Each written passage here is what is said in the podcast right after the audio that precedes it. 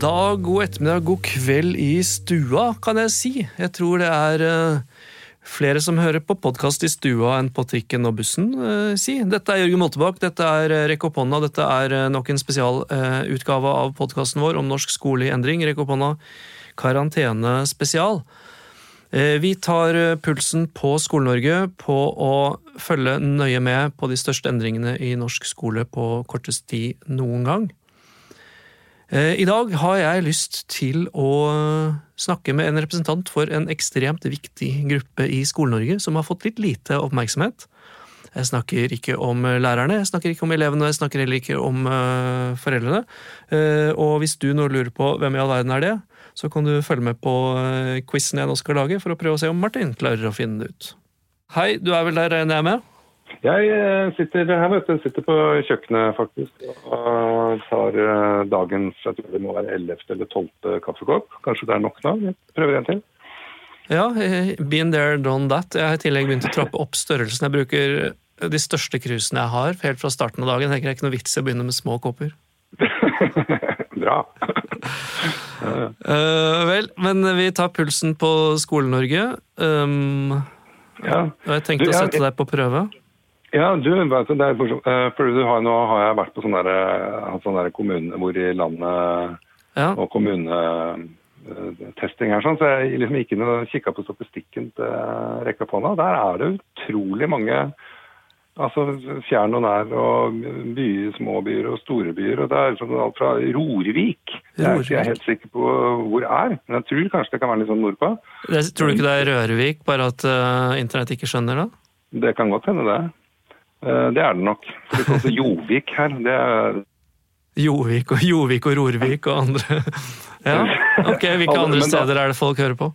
Nei, eh, Larvik, eh, Steinkjer, Skien, Jessheim, Haugesund, Tromsø, Drammen, Bodø, Tønsberg, Kristiansand, Sarpsborg, Sandefjord, Fredrikstad, Hamar, Moss, Trondheim, Bergen, Nesoddtangen, Stavanger og, og Oslo. Altså det er det syns jeg var litt, eh, faktisk, eh, litt sånn oppmuntrende å se på den lista igjen. Ja, så fint. Da har du noe å sitte og kikke på. Ja, si til du, kjære lytter, Hvis du kom fra et av de stedene som Martin har ramsa opp, så gi oss et hjerte på Instagram eller en tommel opp på Facebook.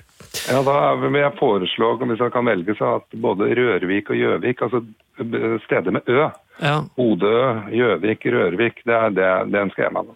Steder med Ø oppfordres til å søke. Hilsen Jorgen. ja. ja. Ikke sant. Nei, men da kan jeg jo lage en liten twist her. I dag skal du ikke få gjette geografi, men du skal få gjette uh, gruppe. Gru um, gruppe? Altså ikke band, men altså sånn uh, Lærere er en gruppe, ikke sant. Og så føler jeg at det er mange grupper som har vært framme i offentligheten, og en som bare har forsvunnet helt, man har glemt, og jeg har lurt på hvordan det går med dem. Det er ikke lærerne. Ja. Barnehageansatte. Det er ikke barnehageansatte. Det er ikke elevene. Foresatte. Det er ikke foresatte. Der ser du. Mm. Hvem kan det være? Noen som ikke er helsepersonell, er vel ikke glemt? Nei, vi skal være inne i skolen. En stor gruppe. En stor, stor gruppe, gruppe som er viktig for eh, en del av Rekk opp hånda-universet og lytterne her. Kan det være skoleledelsen? Nei. Nei. Inspektørene? Nei. Nei ikke noe ledelse. Helsesykepleierne? Eh, jeg tror det er innmari bra at jeg retter eh, spotlighten i denne retningen, siden det var så vanskelig å gjette. Det er studentene som skulle ut i praksis denne måneden. ah, praksisstudentene, ja. det er kult. Ja, de, har, de er jo lette å få tak i nå, for de er jo hjemme. Nei, det er det de ikke er. Jeg har uh, sneket meg, kom meg så vidt, så, så, vidt det var inn i en Facebook-gruppe for PPU-studenter, der jeg nesten ble avvist, for de sa jeg ba om medlemskap, og så kom det som melding fra admin. Hei, den er egentlig bare for PPU-studenter, og jeg ser ikke at du står på listene over årets studenter, så Uh, mm -hmm. Og jeg bare Ja, nei, jeg, jeg driver research en podkast som heter Rekk opp hånda, og jeg bare må snakke med noen. Kan jeg få være der en stund? Og så sa, kom den tilbake. Ja, det er fint. Og så er det fint om du melder deg ut etterpå. ja, så det var litt sånn, litt sånn snikete. Men jeg skal snakke med en PPU-student, fordi at det viser seg at mange av dem har ikke ja, så De har vært hjemme, men de har, så det har de og for seg rett i. Men at de har vært med på den uh, digitaliserte overgangen til digitalisert, digitalisert undervisning. Ja, nemlig. Så det er praksis å gjøre likevel? Ja, jeg vet ikke hvordan det har eh, artet seg, men det skal vi finne ut i denne episoden. Så gøy. Da får du eh, drikke opp kaffen din, og så snakkes vi i morgen. I morgen. Ha det. Ha det. Og den jeg har prøvd å få teknikeren til å ringe opp nå fra denne gruppen i Skole-Norge, er ingen andre enn en som heter Solveig Gjørv Røros. Er du med oss? Hei, hei. Hei, Solveig. PPU-student ved Universitetet i Oslo. Ja. Uh, og jeg tenkte på dere, jeg må innrømme det. Jeg har tenkt litt uh, de siste ukene hva uh, skjer med PPU-studentene. Folk som skulle i praksis og alt mulig. Så jeg fortalte Martin nettopp her at jeg, at jeg sneik meg litt inn i den, en sånn lukket gruppe dere har på Facebook. Mhm. Og der var du en av de som svarte, og det virket på meg, i hvert fall på de som svarte, som om man har hatt en rask omstilling også blant uh, lærerstudentene. Hva skjedde? Jo, det som skjedde, jeg sto midt i en samfunnsfagtime da vi fikk vite at eh, skolene skulle stenges. Ja. Um, og så uka etter så ble vi kasta rett ut i digital praksis, eh, som var veldig spennende. Ehm, for, For- da Ja, for du var midt i praksis på en videregående skole, eller hadde vært noen Ja. uker? Ja. Ja, eh, vi hadde vært der seks uker først. Eh, Så det var de to siste ukene av praksis som ble nå digitale. Og det har jo vært en kjempegod erfaring, egentlig. Jeg har Ja. lært så mye. Hva, hva var det første som skjedde liksom, da, når du skulle liksom, skifte gir og skifte takt her? Hva, hva måtte du gjøre?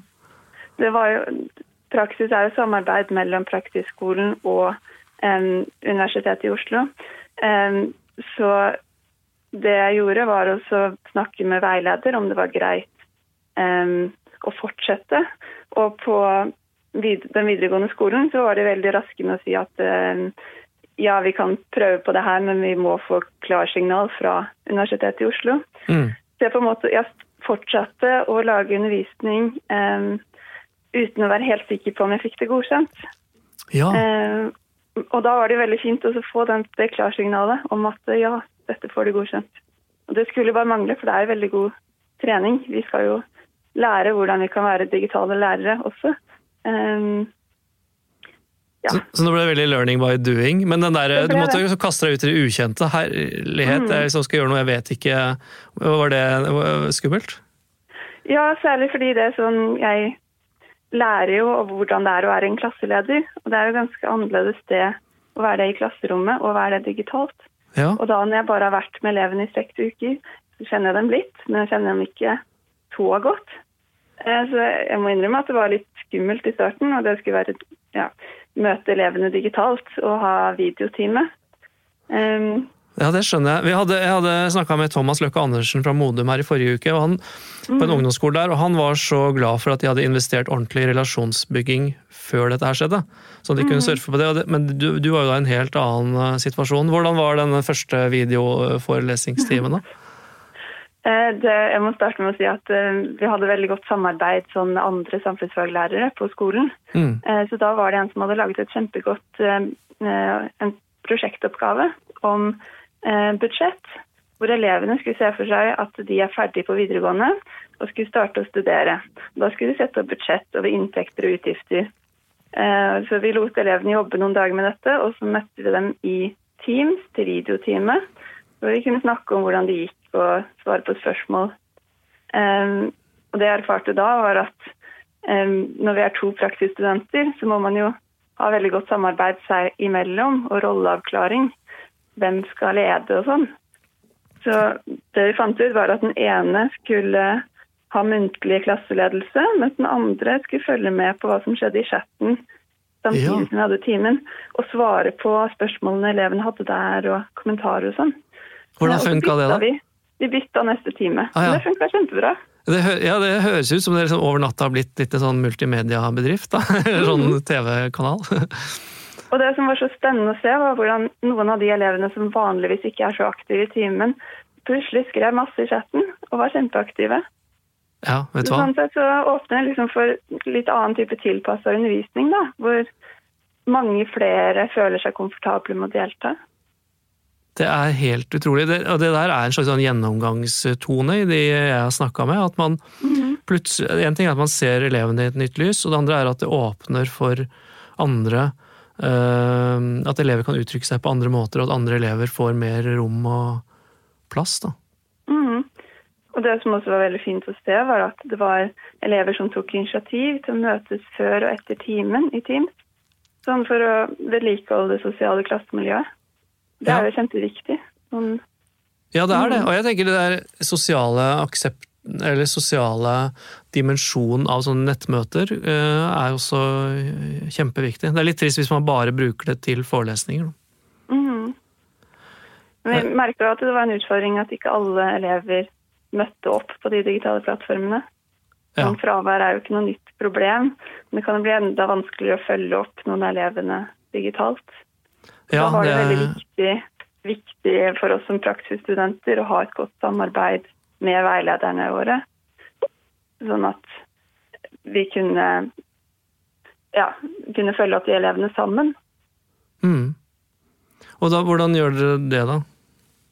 Nei, Det ble mm, slett i Teams og videomøter med de veilederne som vanligvis har klasseledelsene i de klassene her. da. Mm. Nemlig. Mm. Men samarbeid mellom alle voksne blir ekstremt viktig også. Det blir det. Eh, Jeg tenker, eh, de som er født øh, Hvordan skal jeg si dette?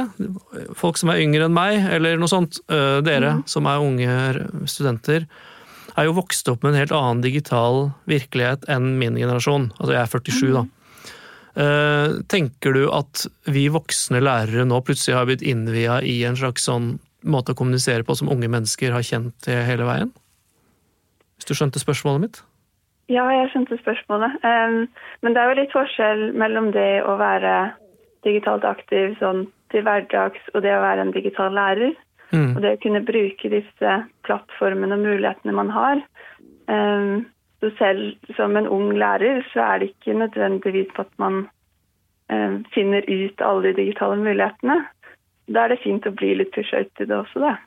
Ja, ja, det er jo noe annet å skulle drive pedagogisk arbeid over internett enn å oppdatere Insta-storyen sin eller snappen sin. Ja. Mm, Ja.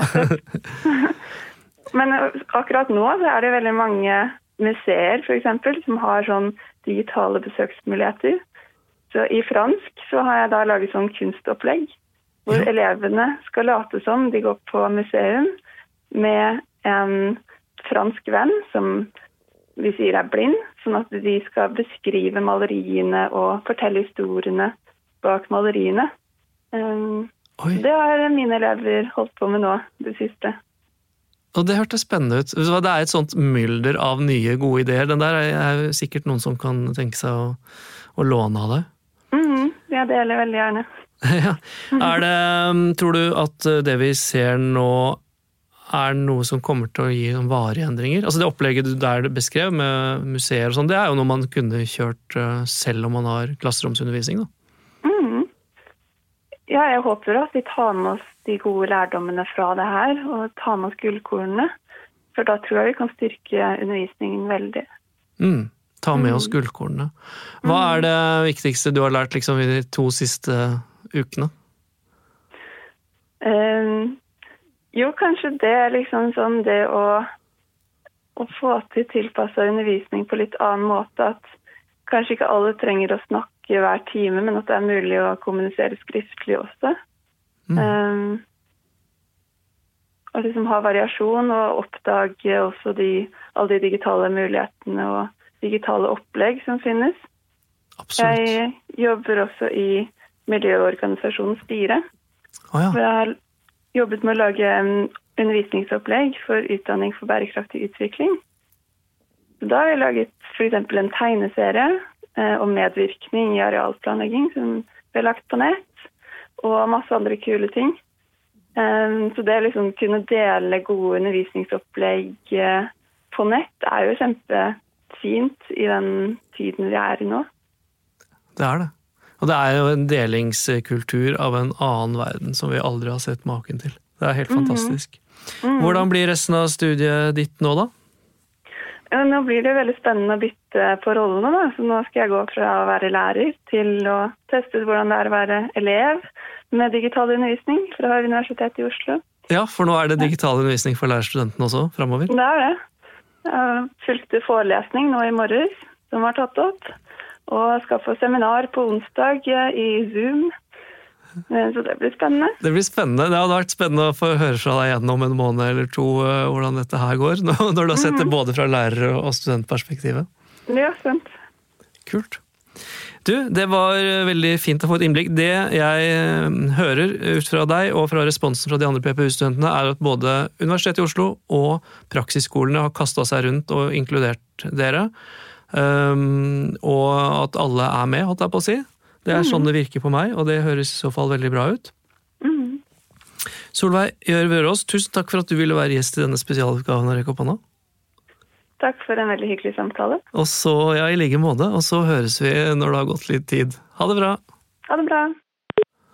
Jeg må si det er eh, fascinerende å se hvordan hele samfunnet og menneskeheten fungerer som en stor organisme, der alle er berørte og alle snur seg rundt og finner praktiske løsninger. Jeg syns innfallsvinkelen til eh, Solveig, PPU-student, var eh, kjempefin. Dette var det mye læring i, og vi må ta med oss eh, gullkornene videre. Og jeg tror det blir det viktigste. Nå kan vi velge og vrake i erfaringer, ta med oss de beste videre, og skape noe som er fint, nytt og varig. Tusen takk for at du hører på. Vi er, eh, som jeg kanskje muligens har nevnt noen ganger, på med nye episoder hver dag, mandag til fredag denne uka. Eh, takk for det du gjør. Takk for det du bidrar med, og for all del, fortsett å ta vare på deg selv. Husk, vi er inne i et langdistanseløp, ikke en sprint.